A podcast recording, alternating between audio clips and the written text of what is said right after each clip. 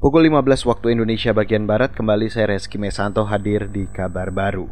Saudara, Lembaga Pemantau Korupsi atau ICW mempertanyakan sanksi ringan berupa teguran tertulis dua kepada Ketua KPK Firly Bahuri dalam kasus penggunaan helikopter milik swasta. Koordinator Divisi Hukum ICW Kurnia Ramadana dalam rilis yang diterima KBR menilai alasan Dewan Pengawas yang menyebut Firly tidak menyadari pelanggaran yang sudah dilakukannya adalah sangat tidak masuk akal. Sebagai ketua KPK, Firly seharusnya memahami dan mengimplementasikan aturan hidup sederhana. Menurut Kurnia, ICW juga menilai putusan Dewan Pengawas terhadap Firly akan sulit mengangkat reputasi KPK yang sudah kian terpuruk. Apalagi peraturan Dewas menyebutkan praktis tidak ada konsekuensi apa pun atas sanksi ringan. Paling hanya tidak bisa mengikuti program promosi, mutasi, rotasi, tugas belajar atau pelatihan di dalam maupun di luar negeri. Ketua KPK Firly Bahuri usai putusan sidang etik langsung menyatakan minta maaf kepada seluruh masyarakat.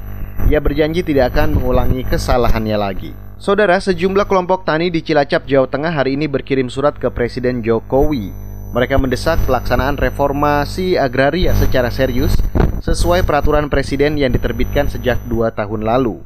Pengurus Serikat Tani Mandiri Yunus Anis mengatakan, Presiden Jokowi diingatkan bahwa reformasi agraria masih jalan di tempat termasuk di Cilacap. Salah satunya agar Perpres 86 dilaksanakan secara konsekuen lah begitu nge. Dulu tanggal 24 September Mbak Sugeng itu kan ketemu nah situasinya kan kelihatannya masih ada di titik nol begitu nge. belum jalan lah. Dulu kan janjinya Jokowi kalau memang sampai September tahun ini belum berjalan katanya mau diambil alih oleh Pak Presiden. Pengurus Serikat Tani Mandiri Yunus Anis mengungkapkan di Cilacap terdapat belasan ribu hektar lahan tanah sengketa yang berpotensi menjadi tanah objek reforma agraria atau TORA.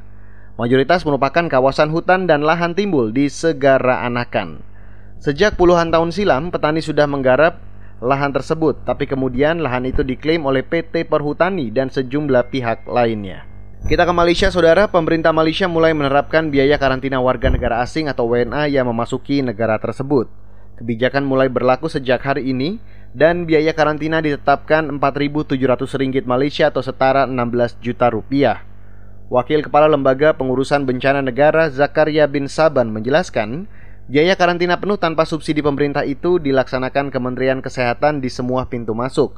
Semua WNA yang baru datang akan diberikan kwitansi pembayaran untuk kemudian bisa masuk ke hotel tanpa karantina yang sudah ditetapkan selama dua pekan.